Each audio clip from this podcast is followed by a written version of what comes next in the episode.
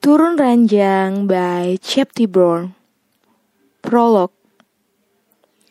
Lantunan surat Ar-Rahman terdengar begitu merdu. Menggambarkan arti dari surat Ar-Rahman secara keseluruhan. Nikmat Tuhan mana yang kamu dustakan? Seluruh keindahan bumi ini, laut, pohon, langit, semuanya tercipta dengan begitu indah seperti saat ini. Si milir angin berembus mengiringi prosesi pernikahanku. Duduk di samping ayah yang menjadi wali nikahku. Hari ini akan menjadi titik balik dari kehidupanku. Sejak perjodohan ini, aku hanya berdoa semoga aku ikhlas menerima semuanya. Meski aku tahu, semua mimpi harus aku pendam dan musnahkan mimpi untuk menjadi wanita karir, bekerja di bidang jurnalistik seperti pendidikan yang sudah aku tempuh.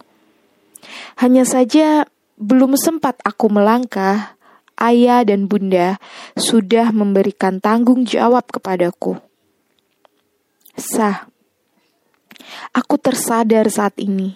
Wajahku yang sejak tadi menunduk kini terangkat. Ayah sudah mengusap punggungku dengan lembut. Hijab putih yang menutupi rambutku kini terjuntai sampai dada. Selamat nak, kamu sudah menjadi istri sahnya Kafka. Mendengar ucapan ayah itulah aku langsung menatap kakak iparku yang sekarang telah menjadi suami sahku. Ayah sedang memeluk Kafka dan memberikan ruang untukku setelahnya. Kafka kini sudah berada di depanku. Lalu tangan itu terulur. Jabat tangan ini membuat jantungku berdegup kencang. Dan ada desir halus di relung hatiku. Kafka menunduk dan mengecup keningku. Selamat datang, Rahma, istriku. Bisikannya sangat lembut saat mendekat dan hanya aku yang mendengar. Saat itulah Aku mengalihkan pandangan dari tangannya ke matanya. Kafka Rahardian tidak tersenyum sedikit pun. Dia hanya menganggukkan kepala. Lalu penghulu meminta kami menandatangani buku nikah. Setelahnya, semua prosesi aku jalani dengan hati beku.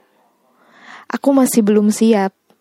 Pria yang menikahiku dengan mahar surat Ar-Rahman ini masih belum aku kenal dengan sepenuhnya karena dia juga baru beberapa bulan menikah dengan almarhumah kakak kandungku, Sofia.